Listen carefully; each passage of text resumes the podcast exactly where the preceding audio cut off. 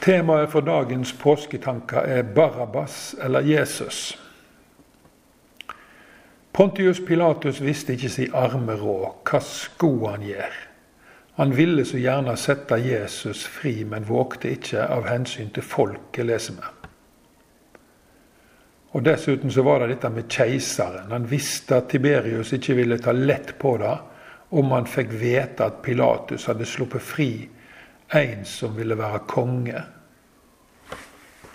Men så fikk han en idé. Hver påske var det en tradisjon å gi fri en fange. Og nå så Pilatus det han trodde var en god vei ut av dilemmaet sitt.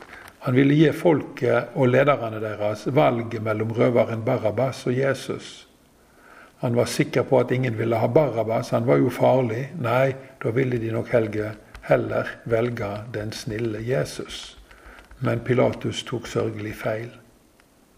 Folket valgte Barabbas. Det gikk langt utover Pilatus' sin fatteevne. Barabas istedenfor Jesus. Hva er det med disse folka? Hvordan kan noen velge gråstein istedenfor gull? Hvordan kan de velge en morder framfor en som hadde kraft til å vekke opp folk fra de døde? Hvordan, hvordan kunne de velge hat framfor kjærlighet? Hvordan kunne de velge løgn framfor sannhet? Det ureine framfor det reine. Pilatus forsto ingenting. Barabbas eller Jesus. Én ting skal Pilatus ha. Han setter folket på valg. Hva velger dagens mennesker når de blir presentert for Jesus Kristus? De aller fleste velger han vekk. Og da kan vi spørre hvorfor da?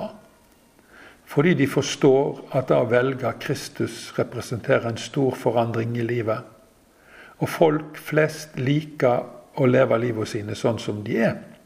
De liker å kunne bestemme over sin egen hverdag. Sine egne penger, sin egen tid. Legge sine egne planer og gjennomføre disse uten å måtte spørre og lytte til Gud og ta hensyn til det Han har sagt i Bibelen om hvordan vi skal leve livet vårt for å ha en framtid sammen med Han. Men vi har et problem.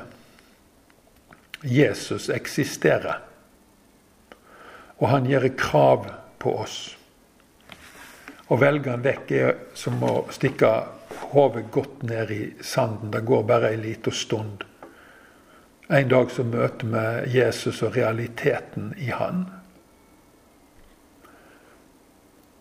Hva skal jeg gjøre med Jesus borte Pilatus? Og da vil nok alle spørre den dagen når en står framfor hans domstol. Hva skal jeg gjøre? Korsfest han, ropte de. Ja, men han har jo ikke gjort noe galt. Men da ropte de enda høyere og taktfast.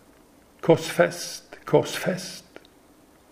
Gang på gang kraftigere og kraftigere. Nå hadde mobben overtatt. Og når det skjer, er det ingen som reflekterer over rett og galt lenger. Det går alt i én retning. Og ingen våger å gå imot. Det er livsfarlig å gå imot. Flertallet har aldri rett, sa Henrik Ibsen en gang. Han satte saken på spissen. Men det vi vet, er at flertallet i flertallet kommer aldri fram til meningene sine sjøl. De blir revnet med av andre som sauer.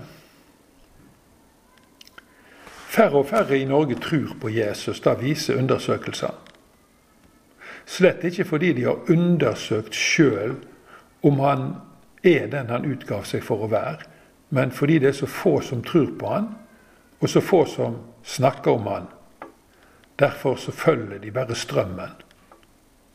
Men saken er Jesus lever og jeg liker virkelig om det er mange eller få som tror på han. Trua kan ikke skape virkelighet. Det er virkeligheten som skaper trua. Hva vil så du gjøre med Jesus? Du kan ikke fjerne han. Ingen kan lenger korsfeste han. Han lever, han er her, han gjør krav på ditt liv. Og velger du han vekk, vil du en gang bli stilt til ansvar for det. Kjære deg, det er ingen vei utenom Jesus Kristus. Du kan like gjerne bare overgi deg til han. Velge han framfor deg sjøl og ditt eget ego. Ja, det blir en stor forandring, men den er positiv. Fordi det er den evige Gud, din egen skaper og lykkekjelder du overgir deg til. Du er skapt for Han, og du skaffer deg ei framtid. Folket i Jerusalem fikk Jesus korsfesta. Slik valgte de han vekk, men han kom tilbake. Og 53 dager etterpå, på pinsedag, da Den hellige ande kom, gjorde mange av de heilomvending. Overgav seg til Gud, ble døpt med kristen dåp og innlemma i Kristi menighet. 3000 stykker. Mange av de sto og ropte 'korsfest'. På pinsedag tok de dåpen. Og det er fantastisk. Om du har valgt Kristus bort hver dag i åravis, kan du fremdeles foreta ei heilomvending i dag. Bekjenne syndene dine, overgi deg til Han, og da å ta de forandringene som måtte komme. De er gode. Du er for Kristi skyld velkommen hjem til Gud, din gode far. La oss be sammen. Vi takker deg, himmelske Far, for at du gav sønnen din den enbårne, for at hver den som tror på Han, ikke skal gå fortapt, men ha evig liv. For du sendte ikke sønnen din til verden for å dømme verden, men for at verden skulle bli frelst ved Han. Vi ærer og priser deg for det. Du er god, og din godhet varer evig og du møter oss med barmhjertighet. Og du tenker på oss med miskunn. Vi ærer og priser deg i dag på denne skjærtorsdagen. Den som står i fellesskapets tegn. Den som står i den kristne tjenestes tegn. Og vi ber deg i Jesu navn om at du skal forme livet vårt etter ditt bilde, slik du framstår for oss gjennom ditt ord. Fader vår, du som er i himmelen. La navnet ditt helgas, la riket ditt komme.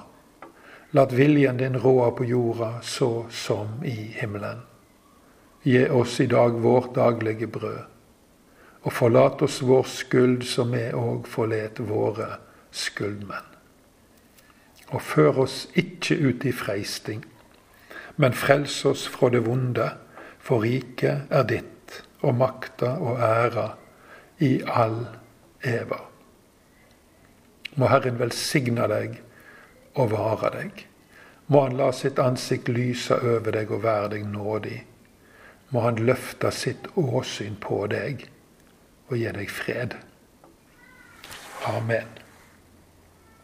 Tusen hjertelig takk for at du var med meg disse minuttene og lytta til Guds ord. Jeg ønsker deg en god skjærtorsdag fortsatt. I morgen på langfredag så blir det eh, live, i alle fall sending, sending av gudstjenester på Kristkirkas hjemmeside og på Kristkirka si Facebook-side. Følg med og få med deg påskens budskap.